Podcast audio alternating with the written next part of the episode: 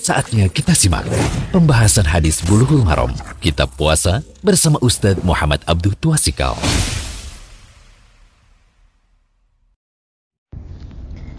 Alhamdulillah, salatu wassalamu ala rasulillah wa ala alihi wa sahbihi wasallam Kali ini kami mulai membahas hadis puasa dari kitab Bulughul Maram karya Imam Ibnu Hajar al-Asqalani Dan kita mulai dari penjelasan kitab Siam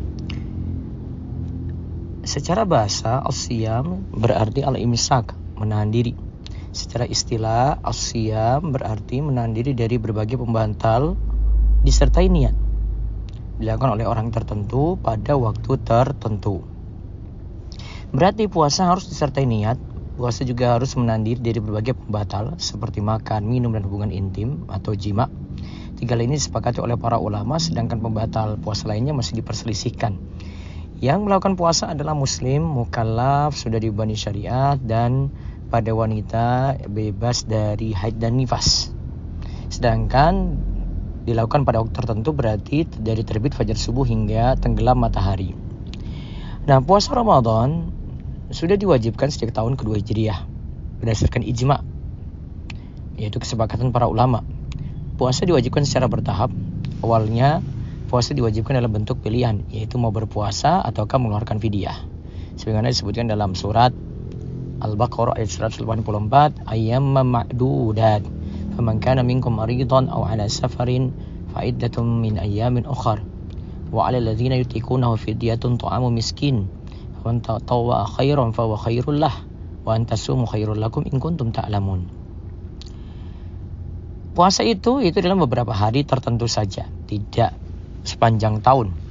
Maka barang siapa di antara kamu ada yang sakit atau dalam perjalanan lantas dia itu tidak puasa, maka wajiblah baginya ber, berpuasa sebanyak hari ditinggalkan itu pada hari-hari yang lain, yaitu dia kodok puasa.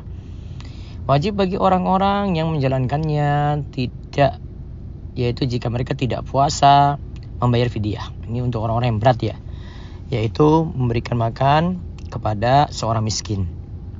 Barang siapa yang dengan kerelaan hati mengerjakan kebajikan maka itulah yang lebih baik baginya dan berpuasa lebih baik bagimu jika kamu mengetahui.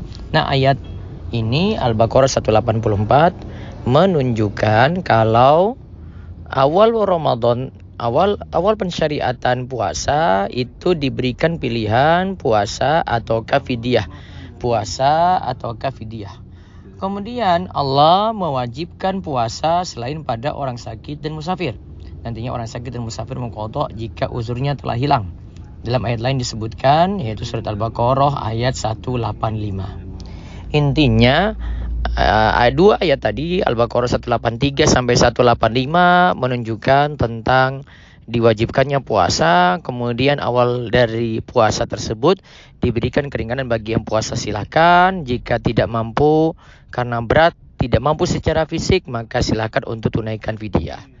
Semoga jadi ilmu yang manfaat dan Allah mengaruniakan kepada kita untuk terus mengkaji ilmu sehingga eh, di bulan Ramadan kita bisa sukses dalam beramal.